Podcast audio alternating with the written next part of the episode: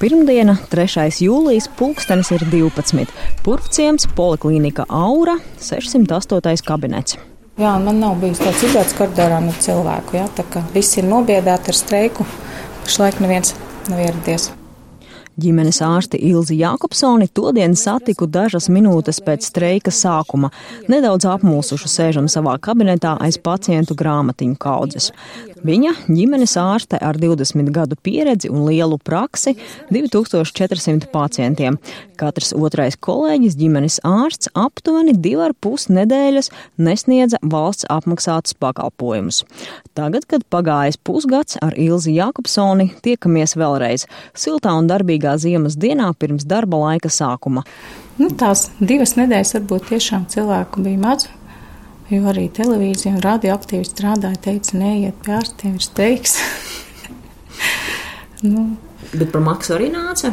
Tā viena meitene, atceros, bija ļoti apņēmīga. Viņa arī nāca kaut vai par maksu, viņa atbalsta ģimenes ārstu streiku. Nu, šis streiks jau nebija akcija, lai mēs varētu uzsākt uh, maksas pakalpojumu ieviešanu arī primārai aprūpē. Ja mūsu valstī pietiek Jākopsone streikojusi tāpēc, lai pievērstu uzmanību situācijai, ka tā jau medicīnā gandrīz viss notiek tikai par maksu. Ģimenes ārsts drīkst dot slimības lapu 30 kalendārās dienas. Lai slimības lapu turpinātu, ir vajadzīgs speciālista slēdziens. Cilvēks pie šī speciālista netiek, jo nav valsts kvotu. Viņam tā tad ir jāiet pie maksas speciālista pie šī slēdziena. Naudu vajag gan, lai nodrošinātu ar likumu noteikto veselības aprūpi, gan arī personālam, lai būtu kas ārstē. Nu, nezinu, vai visā šajā pusgadā tas tā visiem kļuva skaidrs, bet man šķiet, ka ir diezgan bēdīgi, ja visi, kam ir pensijas vecums, rīt aiziet pensijā. Nu, tā retas rindas.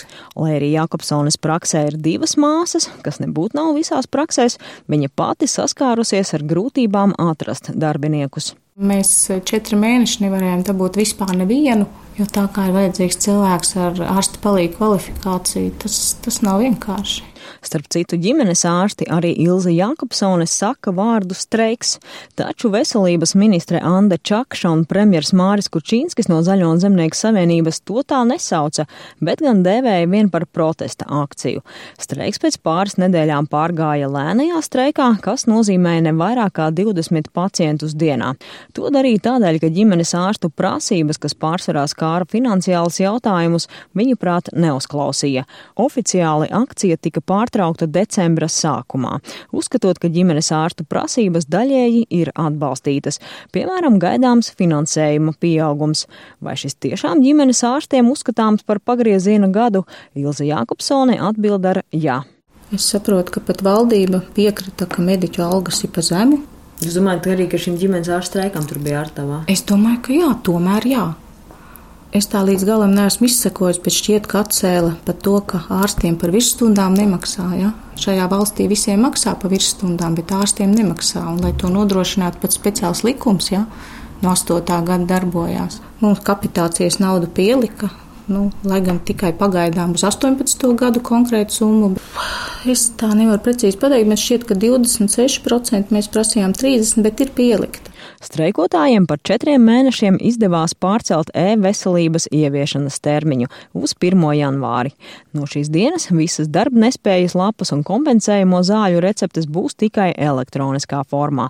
Turklāt, ja līdz šī gada beigām ārsti nebūs noslēguši e-veselības lietošanas līgumu, tad viņi vairs nebūs līguma attiecībās ar valsti, tik strikti norādījusi veselības ministrija.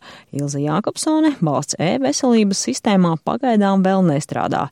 No kolēģiem ģimenes ārstu asociācijas sēdē viņa dzirdējusi, ka e-receptes rakstīšana varot aizņemt pat septiņas minūtes. Šī sistēma, ja viņa strādā tik lēni, ja, tad viņa to darbu neatvieglo tajā momentā. Ja? 27. decembrī, kad tiekamies, šos līgumus viņa vēl nav parakstījusi. 29. decembrī uzzinu, ka līgums par e-veselību parakstīts ir. Ar šo līgumu sanāca kā brīvprātīgi piespiedu kārtā, ja, kas neslēgs līgumu, ar tiem neslēgs aprūpas līgumu. Ja. Un kas nozīmē, nu, tas, ka vairs nevarēsiet vispār nodrošināt valsts apmaksāt pakalpojumu. Nu, tā sanāk, jā, nu, tā ļoti demokrātiska pieeja. Ģimenes ārstei svarīgi saprast, kā šo valsts e-veselības sistēmu varēs savietot ar vietējo elektronisko sistēmu, kurā viņa jau labu laiku strādā, piemēram, raksta receptes un pēc tam tās izdrukā. Es gaidu, ka varēšu saslēgt ar sistēmu, ko lietoju. Stācijas sēdē izskanēja informācija par programmu, kura vislabāk savietojās ar e-portālu un kurā visvienkāršāk strādāt, ja, un tā tad es caur šo sistēmu arī tad mēģināšu. Ja? Pašlaik tā kā janvārī mēs esam sagatavojušies, hronisko pacientu receptes ir sarakstīts tagad decembrī, tā ka domāju, ka janvārī ļoti daudz šo recepšu nebūs, un te varbūt kaut kā varēsim. Tā tuvākajam laikam nodrošinājusies ģimenes ārste Ilze Jākopsone, kura cerīgi palūkojas ārā pa logu, sakot, tuvākajā laikā cerams nebūs pārāk augsti un nesakos strauši pacientu skaita pieaugums, tā izaicinot jauno e-veselības sistēmu. Nākamgad viņa arī redzēs, kā praksē izpaudīsies pirmais gads, kad veselības nozares budžets beidzot būs sasniedzis miljārdu eiro, atvēlot papildu naudu gan mediķu algām, gan arī rindu mazināšanai. Laura Dzērbe, Latvijas radio.